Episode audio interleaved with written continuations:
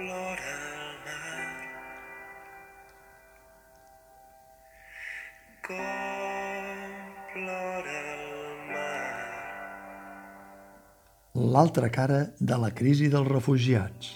Plora el mar.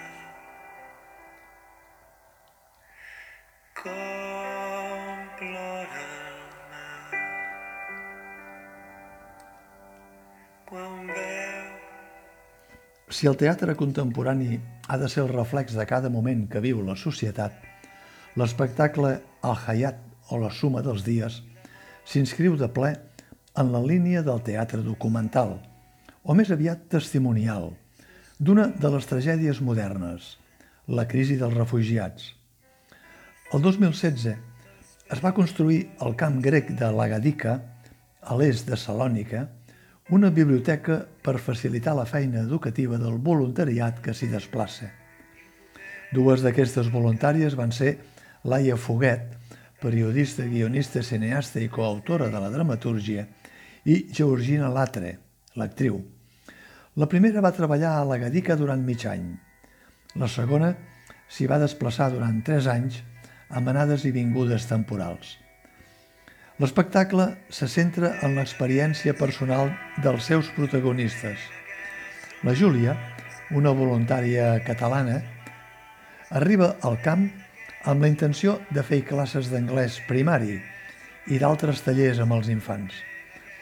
Els altres dos protagonistes, Ahadi, un jove sirià assistent a les classes, fa una amistat especial amb la Júlia i la germana d'ell, la Samura, més restringida a les feines de la tenda o al contenidor, contenidor casa, per raons culturals, acaba col·laborant en el muntatge de la biblioteca. Entremig, la trama no amaga les dificultats per treballar al camp en condicions. La dificultat afegida a esquivar la rumorologia entre la relació que s'estableix d'amistat entre alguns dels refugiats i els voluntaris i la contradicció entre les intencions inicials del voluntariat i els interessos reals dels refugiats, centrats en la seva sortida del camp per aconseguir l'acolliment a Europa.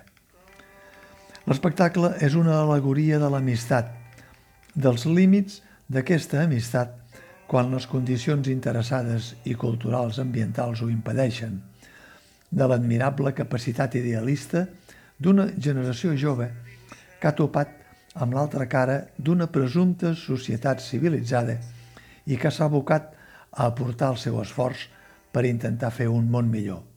I finalment és també un mirall de la hipocresia política internacional que ha posat un taló de ser entre la paraula dels seus propòsits constitucionals i els veritables fets i resultats.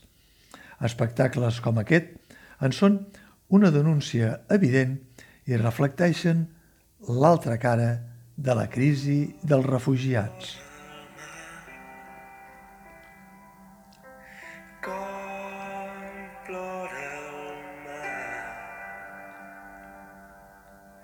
com plora